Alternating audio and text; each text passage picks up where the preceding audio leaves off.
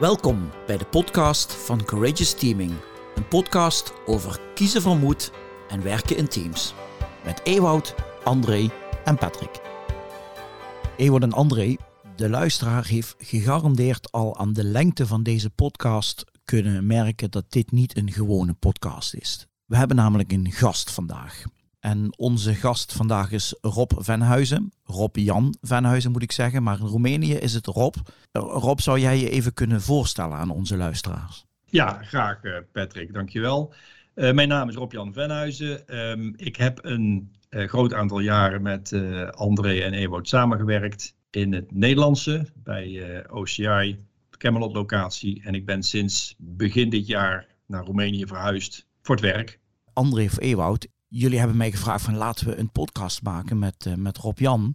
Uh, jullie hebben niet gevraagd aan mij, laten we een podcast maken met al die 175.000 andere mensen waar wij mee hebben samengewerkt. Wat maakt dat jullie het leuk vinden om met Rob Jan in gesprek te gaan? Kijk, Rob Jan heeft natuurlijk iets hij doet, doet, interessante dingen, maar wat hij recent voor iets interessants heeft gedaan, laat ik van achter is dat hij naar Roemenië is geëmigreerd. En dat maakt ons vreselijk nieuwsgierig. Dus daar willen we het ook over laten gaan. En dus kijken of daar ook een, een linkje naar moet is. En verder hebben wij lang met elkaar samengewerkt, elkaar goed uh, leren kennen. Dus uh, dat maakt ook dat we dit kunnen doen. Voor mij zijn het eigenlijk ik heb een overtuiging dat uh, af en toe een moedige keuze ergens inspringen waarvan je niet precies weet hoe het gaat uitpakken. Het leven je verrassend leuke dingen gaat laten zien. En ook vaak voor een samenwerking het juist is om te doen.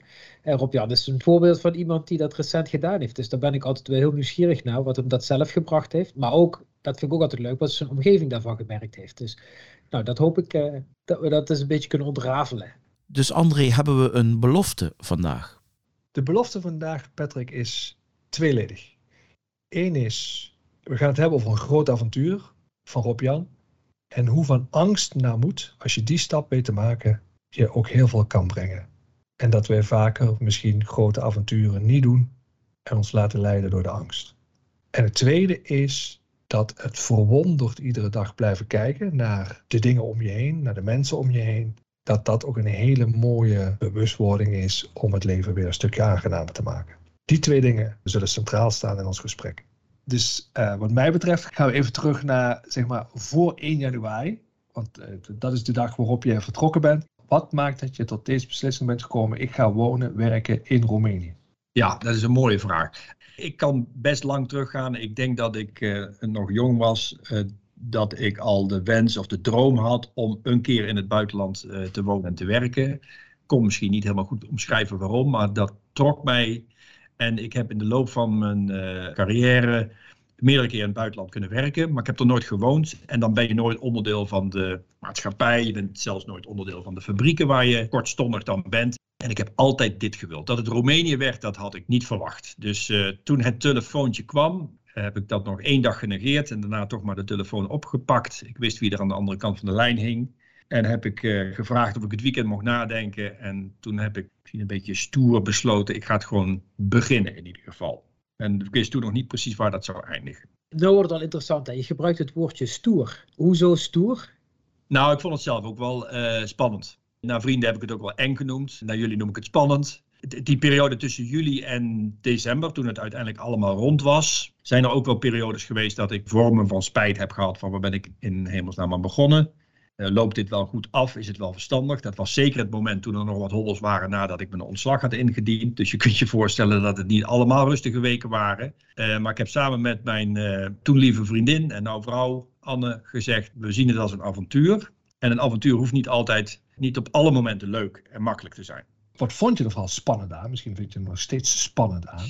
Nee, het is niet meer spannend. Uh, wat, ik, wat ik spannend vond is dat ik niet alles in controle had hoe het zou lopen. Niet hoe het uiteindelijk tot, tot een functie of een, een overeenkomst zou zijn. Niet hoe het zou lopen in een weliswaar Europees land, maar toch in een ander land. Dus meer de praktische zaken. Waar kom je te wonen? Hoe gaat het met de nieuwe collega's? Dat zijn allemaal onzekerheden. En ik ben, daar moet ik gewoon eerlijk toegeven, toch wel iemand die graag verder bouwt op zekerheden. Misschien is dat ook het, het woordje stoer ik denk dat ik mezelf heb proberen uit te dagen van nou durf nou ook eens een keer iets wat je niet van nature uh, zomaar op zekerheden doorbouwt. En nou, daar, daar hoort dit wel bij. En ik moet zeggen, ik kan het iedereen aanraden, want als je eenmaal daar doorheen bent en ik zit er nu een week of zes, zeven denk ik. dan zie je dat ook hier gewoon een, een, normale wereld staat met mensen die je helpen, die je collega zijn en willen zijn. En die je vooruit willen helpen, die je willen introduceren. Dus een heleboel dingen waarvan je je misschien op voorhand zorgen maakt. Dat is niet altijd nodig, maar dat realiseer je pas als je die stap uh, durft te zetten. Wat heeft je geholpen wat, om daar doorheen te gaan? Dus wat heb je dan met jezelf gedaan? Want je noemde dat er doorheen gaan.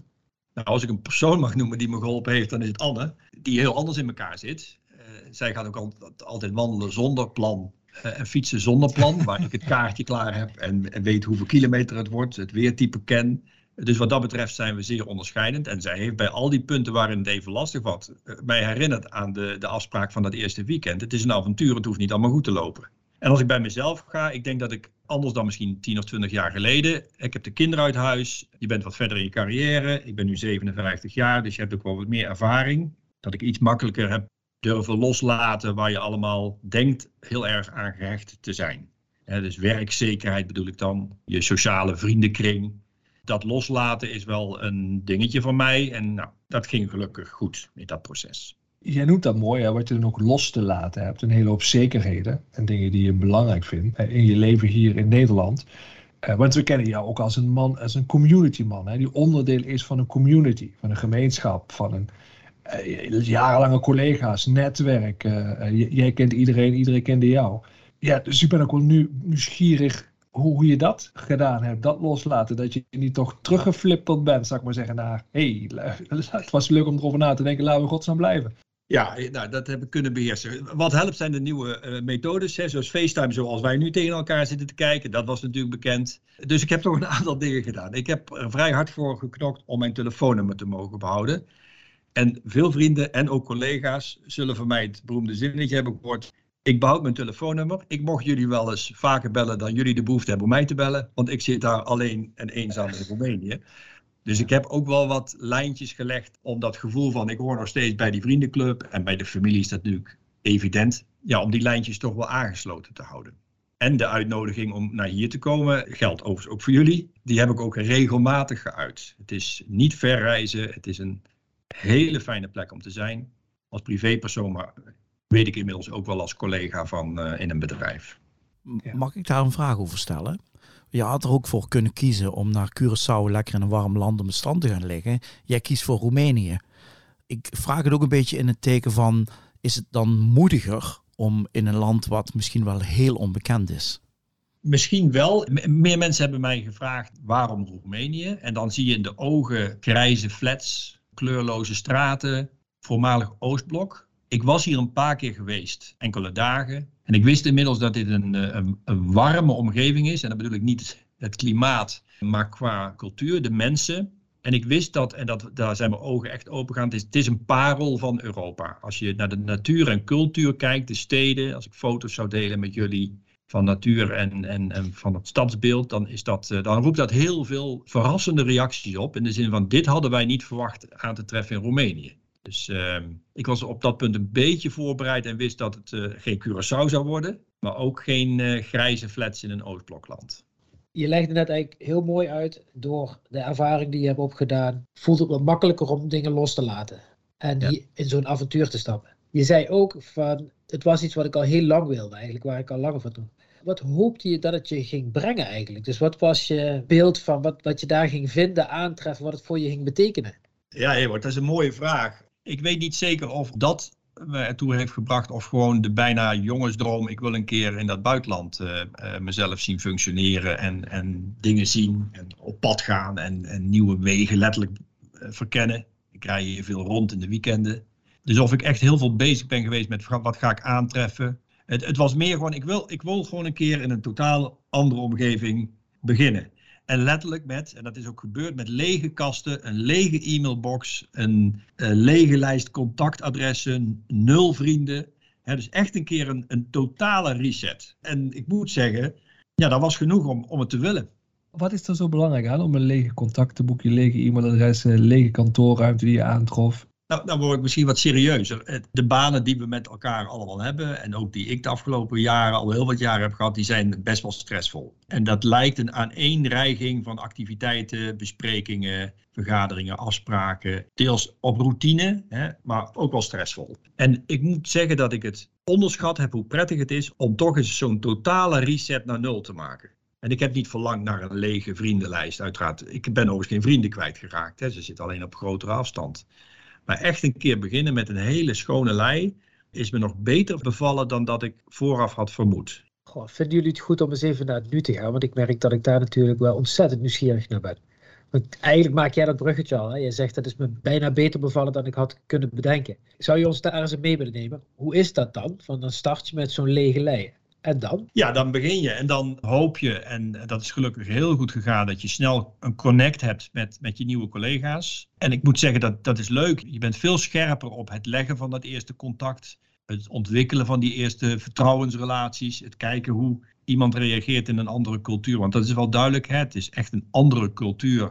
Hoe ze ook zakelijk met elkaar omgaan. Er is een andere kijk op hiërarchie. Moet ik aan wennen, want ik ben niet zo van de hiërarchie. Dus ja, dat zijn wel hele leuke momenten om te ervaren. En ik, en ik moet zeggen dat, ja, daar ben je eigenlijk toch de hele dag wel mee bezig. Daar zit natuurlijk nog die taal uh, tussen. Ik spreek geen Roemeens uh, op, op een paar kleine woordjes na. Dat gaat best ver. Het zoeken naar de nieuwe supermarkt. Ontdekken dat ze niet alles hebben wat ik normaal standaard mijn, eh, mijn eten mee kook. Allemaal dat soort hele kleine dingetjes waar misschien de luisteraar nu om lacht. Maar al die dingen maken je de hele dag uh, bewust van het feit dat je op een andere plek bent. De taal is anders, de geuren zijn anders, de fabriek is anders, de stijl van de mensen is anders, kleding is anders, het ritme is anders. En dat, ja, ik vind dat prettig om te ervaren. Ja. Je, je weet, een van die omslagen waar wij veel in sturen heeft te maken met, wij, noemen dat wel eens van, uh, van overtuigen naar nieuwsgierigheid. Hè? Van, van strijd naar nieuwsgierigheid. Ja. En wat je net zei, doet mij denken aan, goh, als je in zo'n hele nieuwe omgeving wordt en je, kunt dus vrij van allerlei overtuigingen en hoe het zou moeten zijn, denken, is het dan ook makkelijker om nieuwsgierig te blijven openstaan, ook voor anderen waarmee je nu samenwerkt? En... Ja, je geeft het al aan. Het is heel makkelijk. Je moet daar uiteraard voor openstaan dat je dat wil. Maar ik heb daar zelf voor gekozen, dus dat wil ik wel. Dus die nieuwsgierigheid naar wat er komt. Ook wel het alert zijn op, ja, laat ik het maar gewoon zeggen, het niet maken van, van, van grote fouten. En dat bedoel ik niet in mijn zakelijke werk. Je, je verstaat je vak, hè, dus dat lukt wel. Maar hoe spreek ik mensen aan? Hoe is het hier te doen gebruikelijk om met mensen om te gaan? Hoe joviaal kan je zijn? Hoe laagdrempelig mag je zijn? Mag de deur wel of niet openstaan? Daar ben ik wel, wel mee bezig. Maar nogmaals, op een leuke manier. Het, geeft me geen stress. Ik, ik met een grote glimlach s'avonds uh, door die warrige straten naar mijn uh, appartementje toe. Ja. Dus dat is een cultuurverschil. Wat zijn hier uh, de culturele normen? Hoe doen ze het hier? Maar je zult ongetwijfeld wel eens tegen verstoten hebben, toch? Nou, um, punt is, een van de dingen die duidelijk anders zijn dan in Nederland, is, is het krijgen van feedback uh, en de, het respect voor de hiërarchie. Dat betekent dat ik wel heel erg moet opletten, want die feedback komt niet van nature op mij af. He, dus, dus als ik nu zeg, het is allemaal goed gegaan en ik heb mijn neus niet gestoten, dat kan dat ook wel liggen aan het feit dat ze me dat toch niet hebben verteld. Of ik dat nog niet heb opgepikt. En die nuance ligt hier echt wel een graadje hoger dan in Nederland. Wat ik wel doe is natuurlijk mijn stijl soms, op, op zijn Nederlands. Ik kondig dat aan, hè. Uh, this will be a Dutchy remark or whatever. Moet ze wel een beetje glimlachen. En dan kijk ik wel hoe ze reageren op als ik het wat directer aanpak dan dat zij zelf gewend zijn. En ik moet zeggen, dat pakken ze goed op. En dan kom ik even op, de, op het prettige van de Roemeense cultuur, voor zover ik hem kan zien. Het is een leergierig volk. Ze hebben respect voor mensen die iets te brengen hebben van een andere cultuur. Hè? Ze realiseren ze, zich best wel dat ze op, op het gebied van het, hè, het runnen van chemische plants nog heel veel kunnen leren. Zelf niet de kansen hebben gehad om in het buitenland fabrieken te hebben kunnen bekijken of te kunnen werken. En ze zien dat niet als een soort bedreiging. Het is best wel opmerkelijk. Zou in Nederland denk ik anders zijn. Maar ze zien dat als, ja, als iets positiefs. En niet zozeer naar mij toe, maar het feit dat, dat het gebeurt met hun vinden ze leuk. En dat geeft natuurlijk wel een hele fijne uh, manier om dingen uit te proberen wederzijds. En ook te durven, ook wel soms gewoon Nederlander te zijn, te midden van de Roemenen. Wat ik zelf wel mooi vind om te merken, eh, Rob-Jan, is, uh, wij zeggen wel eens, ons werk is ook een beetje, zeg maar, oog hebben voor het schaakspel. Voor de spelregels die de groep met elkaar heeft op dat moment en in hoeverre die wel of niet bijdragen aan het groepsproces. En eigenlijk zeg jij, doordat ik helemaal opnieuw ben begonnen, ben ik daar ook heel alert voor geweest. Ben ik daar automatisch heel alert voor. Van wat is, hoe, hoe, wordt hier geschaakt met elkaar? En wat zijn hier de gewoontes? En hoe kan ik daarbij aansluiten? En dan toch ja, af en toe misschien uh, je eigen Dutchy stijl daar nog een plek in geven. Ja, dat verwoord je goed. Ik denk dat het zo is. En ik denk ook dat iedereen dat wel herkent. Misschien niet om in een ander land te werken, maar iedereen kan zich voorstellen dat hij op een andere manier auto rijdt als hij in een vreemde, grote, drukke stad rijdt, ten opzichte van op bekend terrein. Iedereen herkent waarschijnlijk bij zichzelf dat er dan een hele andere vorm van, van scherpte, alertheid en, en het waarnemen van signalen, ook overbodige signalen, is. Nou, ik heb nu het geluk dat ik dat uh, 10, 12 uur per dag heb. Ja. Nou hebben wij jou ook altijd leren kennen als Mr. Veiligheid, hè? safety. Jij komt uit die chemische industrie, daar ben je gepokt en gemazeld. Veiligheid is hier in Europa een uh, key issue, dat is de starter voor alles. En dan kom je in Roemenië. Ja. En dan loop je daar door de fabriek. Ja. Ik kan me voorstellen dat je dan wat andere dingen ziet dan wat je hier gewend bent. Ja, eh, mooie vraag en ik vind hem uh, moeilijk. En ik ben daar ook nog niet helemaal uit, uh, André. Um, ik, ik, zie hier inderdaad dingen waarvan ik schrik.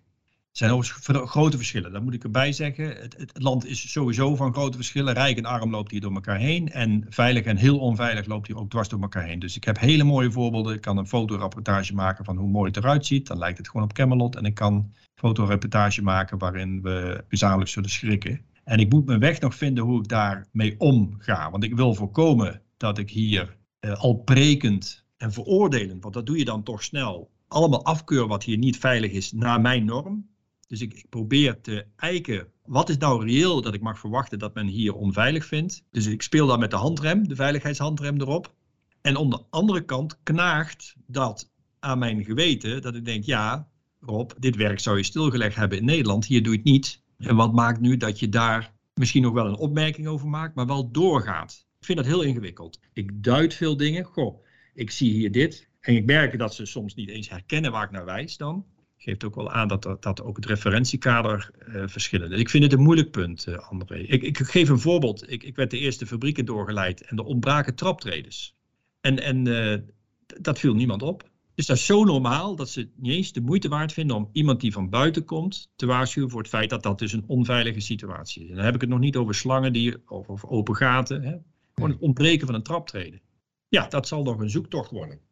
Heb je ook andersom dingen gezien waar, je denkt, hé, hey, daar maakten wij ons in Nederland altijd hartstikke druk om, maar waarom eigenlijk, als ik kijk hoe we daar hiermee omgaan?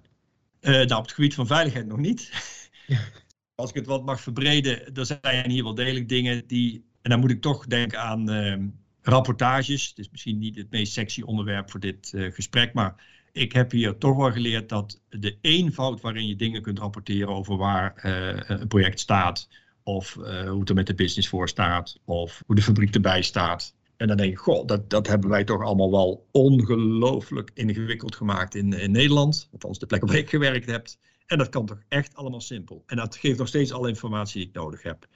Dus ik ben daar zeer blij verrast geweest over de, de eenvoud waarin men hier gewoon. En Excel is hier ook nog steeds niet verboden. Hè? Dus uh, waar wij vaak spottend zeggen dat moet allemaal in SAP en zo. Nou, dat doen ze hier allemaal keurig in Excel. Het werkt.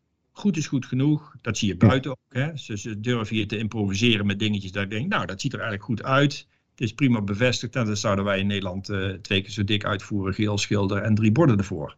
En, uh, en, en, dan ben ik eerlijk gezegd, nee, het is eigenlijk goed genoeg. Alleen wij durven in Nederland die stap terug niet meer te maken. Ja.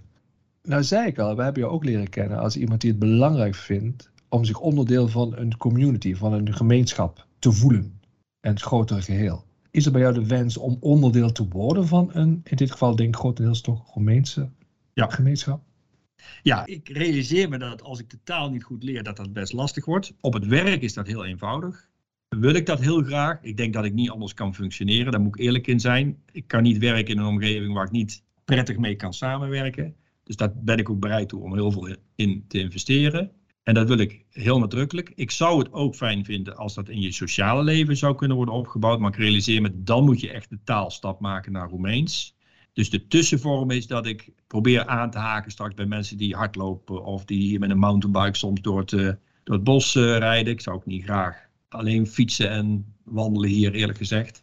Dus daar probeer ik wel nog wat uh, aansluiting te vinden. Maar de eerlijkheid gebied waar ik nu sta, halverwege februari, is dat mijn vriendenkring nog niet zo heel groot is. Hè. Het is nul. En dat de community in uh, want daar werk ik dan, uh, dat dat echt heel lekker loopt. Ja. Je zei toen je wegging, van goh, in Nederland zat je dan toch een beetje, zo heb ik het geïnterpreteerd, is een soort red race van vergadering naar vergadering, best wel veel stress, uh, noem maar op. En je start dan helemaal opnieuw in zo'n land. Wat doe je om te voorkomen dat je eigenlijk weer in hetzelfde terechtkomt? Dus dat het niet even een stapje is en vervolgens drie maanden later je jezelf betrapt van, oh, nou zit ik eigenlijk in diezelfde red race, alleen nu in Roemenië.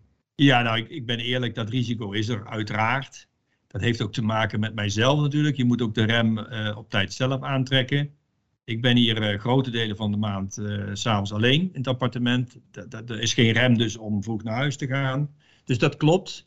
Ik denk wel dat dit land, hoewel het in, in transitie is, hè, het is echt een land wat zich richting het West-Europa gaat ontwikkelen. Dus over een tijdje gaat het hier ook gebeuren maar nog wel op een, uh, op een wat ander tempo loopt hier. En dat spreek ik uit met respect, want ik denk dat dat ook precies is wat ook het lokale management hier wil uitstralen. We willen dat de mensen ook een rust nemen. De weekenden worden gerespecteerd, bij voorkeur niet uh, mailen of iets terugverwachten in het weekend. Dus het zal voor een groot deel aan, aan mijzelf liggen of ik uh, die red race weer ga ervaren. maar de basiselementen zijn hier rustiger. Ja. Als je het zo vertelt, dit avontuur, wat jij bent ingestapt, wat van jou moed heeft gevraagd, moed van jezelf en mensen om jou heen.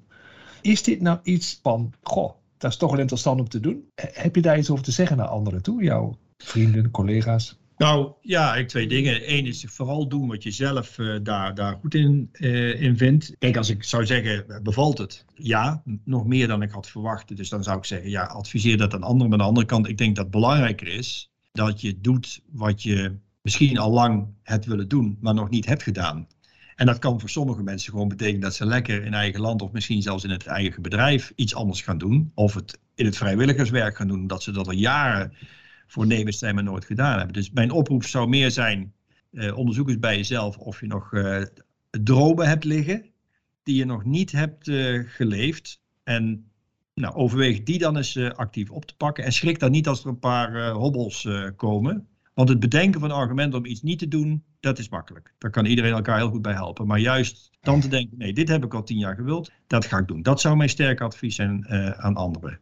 En voor die mensen die geïnteresseerd zijn in Roemenië, kan ik zeggen, nou, als dat dan je droom was, dan zou ik niet te lang wachten, want het is hier hartstikke mooi. Mag ik een vraag stellen over, uh, over moed? Wat hebben we het gewoon vaak over? Ik ben wel benieuwd of jij nu denkt van, ja, elke beslissing die ik in de toekomst moet nemen, vergt minder moed voor mij, want dit was gewoon een hele hobbel. Oftewel, ja, ik weet niet hoe ik moet zeggen of het aan deflatie of inflatie onderhevig is. Ja. Wordt het maken van moedige beslissingen makkelijker voor jou nu je dit gedaan hebt? Ja, Patrick, vind ik een leuke vraag. Ik, ik denk dat het antwoord ja is. Ik mag straks weer beslissen om uh, na deze job van een paar jaar weer iets te kiezen. Ja, dat zal aanmerkelijk makkelijker worden. Niet alleen maar omdat dat dan zeer waarschijnlijk in Nederland zal zijn. Dus ja, ik denk dat er van moedinflatie sprake is, prachtig woord. Um, en daarmee bouw je, denk ik tenminste, ook voor een deel aan jezelf. Dat je, en dat is niet anders dan topsporters hun grenzen verleggen door iets te doen wat ze nooit hebben gedaan en wel daarheen trainen. En als dat dan lukt, dan is dat uh, ja, in de pocket en dan, dan wordt de volgende uitdaging neergelegd. Dus uh, ja, ik denk dat het mij wel helpt.